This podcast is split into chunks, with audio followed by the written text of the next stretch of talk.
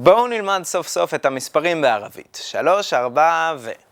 ואחד, תנין, תלאתה, ארבעה, חמסה, סיתה, סבעה, תמניה, תשעה ועשרה.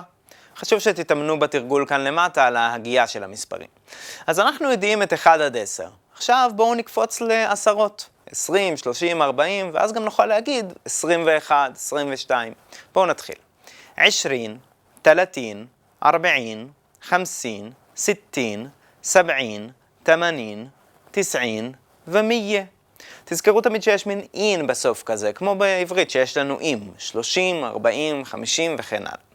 אז איך אנחנו עושים מספר שהוא משולב, נגיד 21 או 76, בערבית, כמו במלא שפות אחרות, ובדיוק הפוך מעברית, יש לנו קודם את האחדות, ואז את העשרות. כשחושבים על זה זה די הגיוני, כי זה פשוט מהקטן לגדול, 1 ו-20 כדי להגיד 21, 2 ו-20, 3 ו-20, נראה לי שזה מספיק.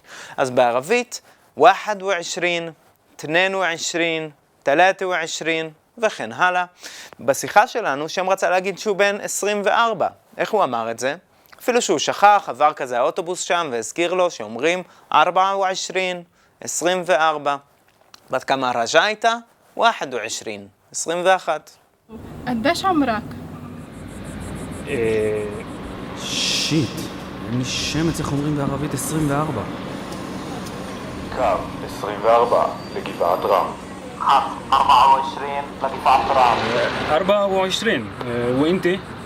21 אז רגע, אם שואלים אותי כמה ילדים יש לי, מצד אחד אני יכול להגיד תלאתה, שלוש, אבל איך אני אומר שלושה ילדים? את זה נלמד ביחידה הבאה.